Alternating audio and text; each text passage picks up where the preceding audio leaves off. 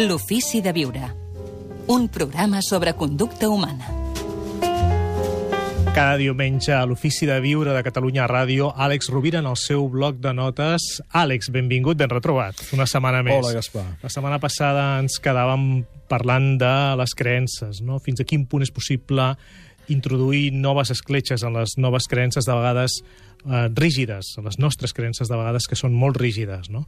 Fins a quin punt les podem canviar? Hi ha molta metodologia, n'hem parlat en aquest programa àmpliament durant els últims anys, des de la programació neurolingüística, per exemple... L'anàlisi a- transaccional, d'interrogar sí. els estats del jo, etc.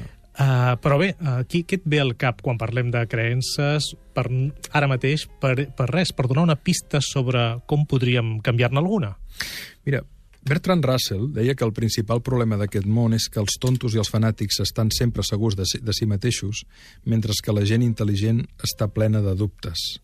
És precisament la gent intel·ligent, els que estem o estan, els que volem, diguéssim, desenvolupar una certa intel·ligència a partir de la pregunta tonta, perquè moltes vegades, Gaspar, com podem canviar de creences? Qüestionant-nos. Hi ha tot un treball terapèutic que et porta a la, a la, al, al qüestionament, a la reflexió i a validar si realment aquella idea que tu tenies, de tu, de l'altre o de la vida, és certa o és falsa.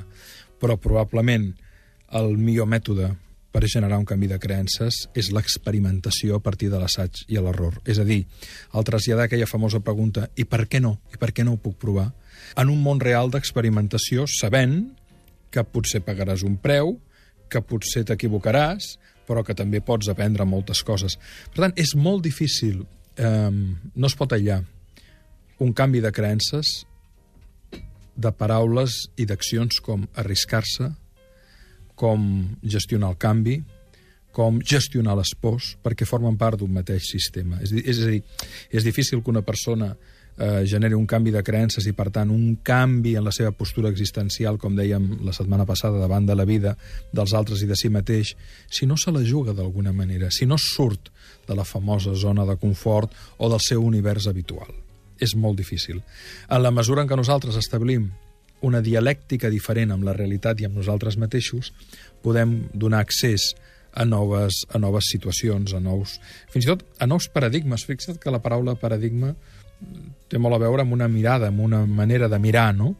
Eh, és impossible qualsevol mena d'innovació si no assetgem des del qüestionament mental, de vegades des de la pregunta tonta, moltes de les millors innovacions surten de preguntes tontes, aparentment tontes però que ningú es fa, o de petits canvis que ens van traient de la nostra inèrcia, que és el que ens cega, fonamentalment, i que ens permeten qüestionar nous horitzons, noves dialèctiques, noves relacions. Evidentment que tota exploració implica un risc i un possible dolor, però és que no hi ha altre camí. Això de les preguntes tontes, clar, dona per molt, no? Sí. Me'n recordo que hi ha un clàssic que té a veure amb els avellots. Teòricament, els avellots no poden volar pel pes, no?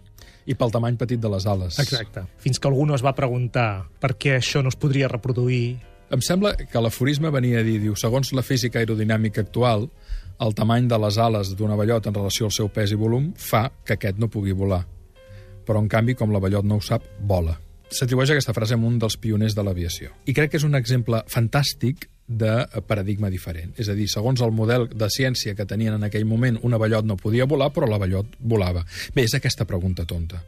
Si això que estem assumint com a cert eh, és fals, com hem de canviar la nostra mirada per, per generar una nova possibilitat. Àlex, moltes gràcies, que tinguis una molt bona setmana. Gràcies, Fins Gaspar, diumenge. una abraçada.